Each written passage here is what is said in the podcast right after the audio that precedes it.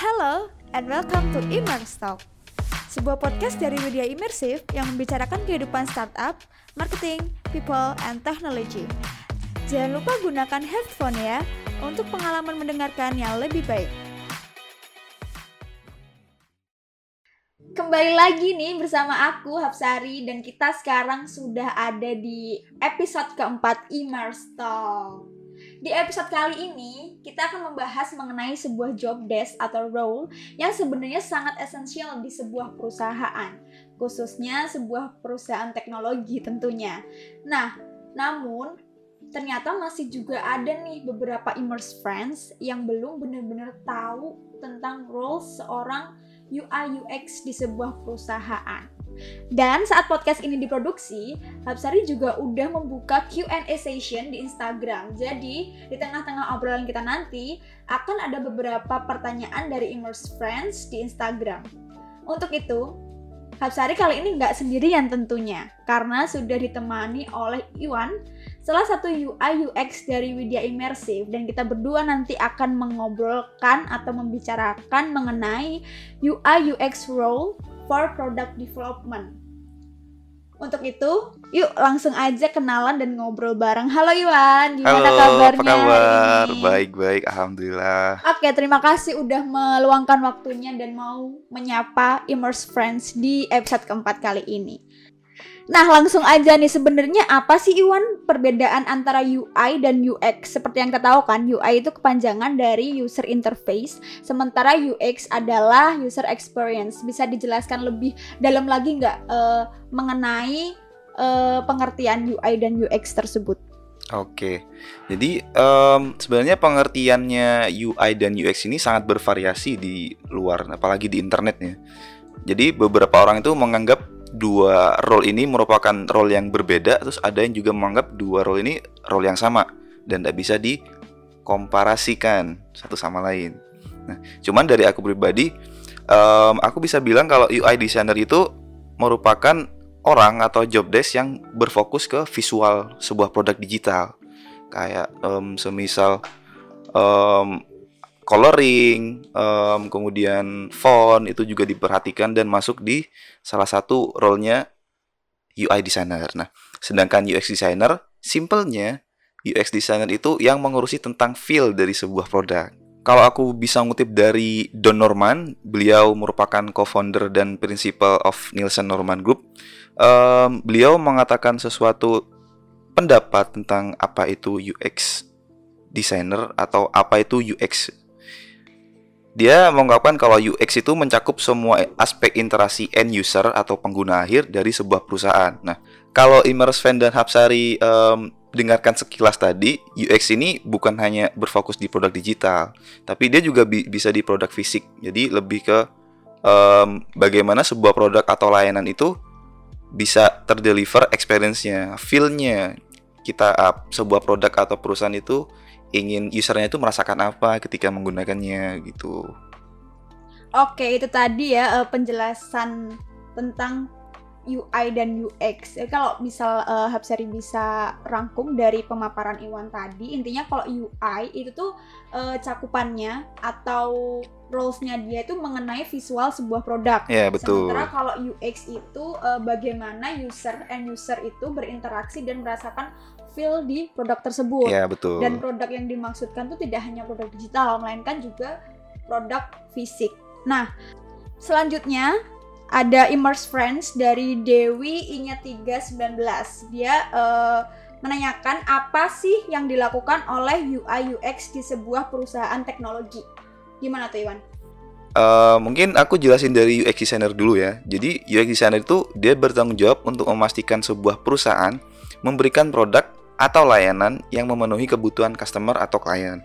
Nah, tujuannya em, agar mereka memungkinkan mendapatkan pengalaman yang diinginkan. Jadi experience-nya mereka memakai produk itu agar tersampai feel-nya. Nah, untuk ranahnya itu kebanyakan UX designer ini lebih ke riset dan analisis. Em, salah satunya seperti gathering requirement, kemudian user research, kemudian testing prototype dan lain-lain.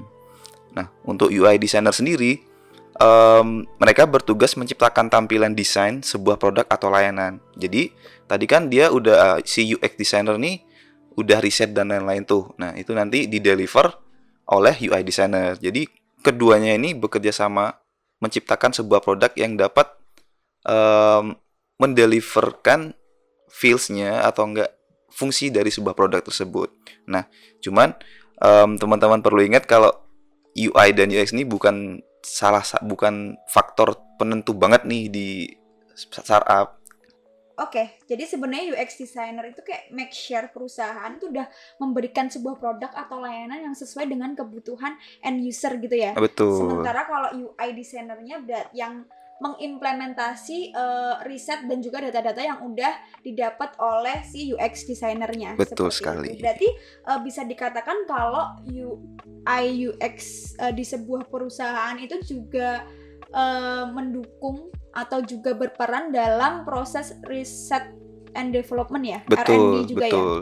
Oke, jadi eh, UI UX itu juga dia terdistribusi di beberapa divisi guna untuk eh, mengembangkan sebuah produk atau product development. Terus, eh, nah dari semua hal yang dilakukan UI UX itu tadi, sebenarnya tools atau kemampuan khusus apa sih yang harus dimiliki oleh seorang UI ataupun UX designer? Hmm. Jadi ini best experience saja ya. Em, beberapa tools yang biasanya aku gunakan di UX dan UI design itu, kalau UX itu lebih kebanyakan ke em, tools yang dibuat untuk kolaboratif sebuah tim. Kayak em, Miro itu aku gunakan biasanya buat make sure flow-nya, kemudian abis itu aku deliver ke para PM dan lain-lain. Kemudian em, biasanya kalau skill yang dibutuhkan itu biasanya skill analisis kemudian skill research itu dua hal itu penting banget di UX karena sebagian besar pekerjaannya bakal menganalisis dan meriset. Nah, kalau UI designer itu kebanyakan tools yang digunakan itu Figma atau enggak Adobe XD, ada juga yang namanya InVision sama ada beberapa lagi tools yang banyak dan berguna banget. Oke, itu tadi beberapa eh, kemampuan yang harus dimiliki oleh UI UX menurut pengalamannya Iwan sendiri nih. Ada analisis dan juga riset karena tidak bisa dipungkiri. Sebelumnya tadi Iwan udah menyebutkan bahwa UI UX ini kan nantinya akan membantu eh, R&D ya, riset and development. Tentu analisis dan juga riset itu penting banget kayak gitu. Nah, ngomongin tentang kemampuan nih, tadi kan Iwan udah menyebutkan ada analisis dan juga riset.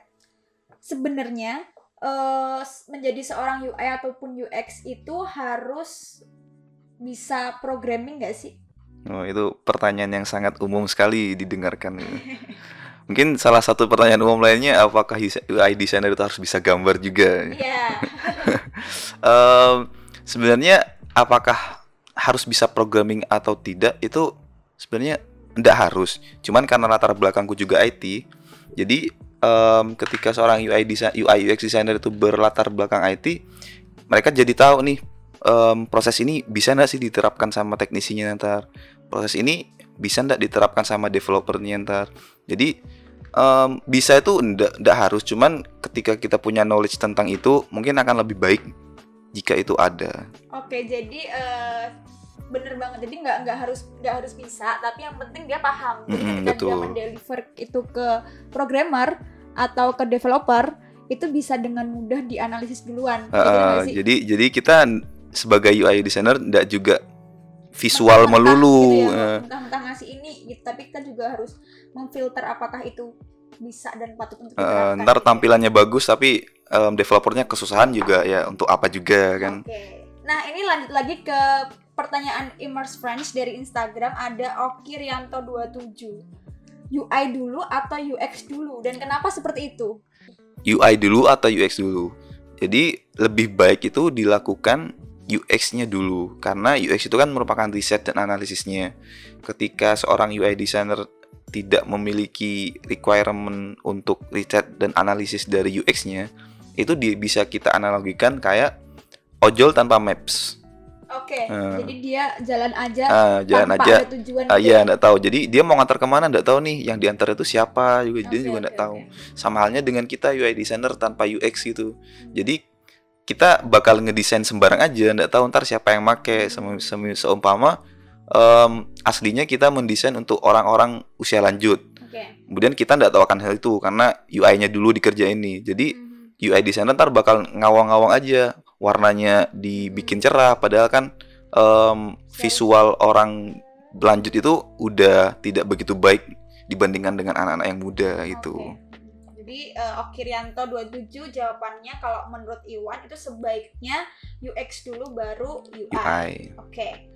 Nah, eh, ada lagi nih dari Farid Sans underscore. Tantangan yang dihadapi kalau jadi praktisi UI UX itu apa aja? Terus solusinya seperti apa? Dari Farid. kalau tantangan em, aku rasa tantangannya itu bakal bervariasi menyesuaikan menyesuaikan produk yang bakal kita jalani semisal ada produk yang em, anggaplah baru atau terobosan itu kita bakal kesusahan di UX research-nya Iya. Karena Belum sebelumnya belum ada ya. betul jadi kita harus bakal em, riset analisis kemudian em, repeat jadi gitu terus sampai kita dapat hasil yang maksimal nah di pro- proses iterasi tersebut itu itu yang tidak mudah nantinya. Tapi Iwan, eh, apakah UI UX itu bisa dijadikan salah satu indikator kesuksesan sebuah produksi? Em, salah satu faktor bisa bisa dijadikan salah satu Hmm. faktor karena UI UX designer kan based on user based on end user Oke. jadi ketika kita udah berhasil mendeliver em, produk kita ke mereka terus mereka responnya baik kemudian dari hasil analisis dan statistiknya em, respon feed- feedbacknya mereka juga baik jadi bisa dibilang kita juga udah sukses nih dari segi UI UX-nya Oke. cuman kan itu banyak faktor juga yang menentukan sebuah produk itu berhasil atau tidak Iya bener banget. Ngomongin produk lagi nih. Ya. eh Iwan kan biasanya sebagai UI UX-nya Widya Immersif ya. betul Nah, Gimana sih eh, karakteristik UI maupun UX-nya di produk-produk Widya Immersif Teknologi sendiri? kalau dari kita karakteristik setiap produk itu berbeda Oke. Jadi berdasarkan pada um, riset Usernya juga usernya, risetnya juga dan lain-lain. Kalau Immerse fan tahu nih, um, Widya Immersive itu ada beberapa produk tuh. Salah satunya ada Wish Smartwatch yang baru-baru aja launching, kemudian ada Kios Sehat. Nah, dari penggunaan keduanya itu aja sudah berbeda. Smartwatch bisa digunakan setiap hari, sedangkan Kios Sehat um, bisa digunakan juga setiap hari sih. Cuman siapa juga yang mau setiap hari ke puskesmas dan rumah sakit kan. Oke. Nah, dari dua karakter itu karakteristik itu berbeda. Jadi kalau kita em, ditanyakan karakteristik produknya itu berbeda berdasarkan end usernya dan kebutuhannya juga. Oke, nah ini ada lagi nih dari Immerse Friends di Instagram. Ada dari @wisnu.123. Kesulitan UI maupun UX di Widya Immersif nih langsung spesifik. Wah, spesifik UI sekali ya. UX di produk-produk Widya Immersif gimana Iwan? Em, kesulitannya itu kita saat ini sedang ada develop satu produk lagi nih. Ini masih masih develop jadi masih rahasia nih, masih secret Masih nih. rahasia. Nah, salah satu produk yang ya mungkin akan segera launching Nah, ya iya, nantinya ya. betul. Jadi em, kesusahannya di situ karena ini merupakan inovasi baru, Wow, Jadi, jadi penasaran apa kesusahan tuh? ada deh. Jadi kita kita tim tim tim kita sendiri kesusahan di teknis dan UI UX desainnya sih. Oke, karena emang bener-bener produk Ah, baru seperti produk tadi baru. yang dibicarakan Iwan sebelumnya kalau kesusahan sebuah produk baru itu ada di data dan risetnya ya. Eh, apalagi kan kita merupakan base-nya itu kan produk IoT. Jadi kan Oke. proses Internet of Things yang bakal digunakan tiap hari nantinya. Nah, gimana gimana gimana kita bisa ngubah salah satu kebiasaan sih. Jadi Hmm, sesuatu yang belum ada kita terapkan di sistem sosial dan teknologi kita itu bakal aneh untuk pertama kali. Nah, iya di situ yang Hmm. jadi tantangannya. Nah, terakhir nih eh, harapan dan beberapa goals Iwan pribadi untuk produk-produk imersif. Mengingatkan eh, ya adalah sedikit banyak eh, kontribusi Iwan di UI UX-nya produk-produk media imersif? Apa nih harapannya? Oke, harapannya semoga produk-produk imersif em, lebih dikenal orang-orang, kemudian Amin. kemudian orang-orang tersebut juga bisa nyaman makainya dan juga bisa memecahkan masalah teman-teman juga itu salah satu tujuan utamanya. Oke. Em, kalau dari aku sendiri harapan lainnya karena sekarang kita masih proses development tentu saja kita masih banyak kekurangan. Apalagi dari tim UI UX sendiri nih masih banyak kekurangan. Kemu- em, mungkin kalian yang udah pernah nyoba Wish atau kayak sehat merasa kurang ini kurang itu gitu. Itu juga masih kita develop juga. Jadi semoga kita sendiri juga bisa berke- lebih berkembang nantinya lebih lebih bisa memuaskan para user nantinya. Dan semoga bisa bermanfaat juga em, produk-produk yang sudah kita hasilkan.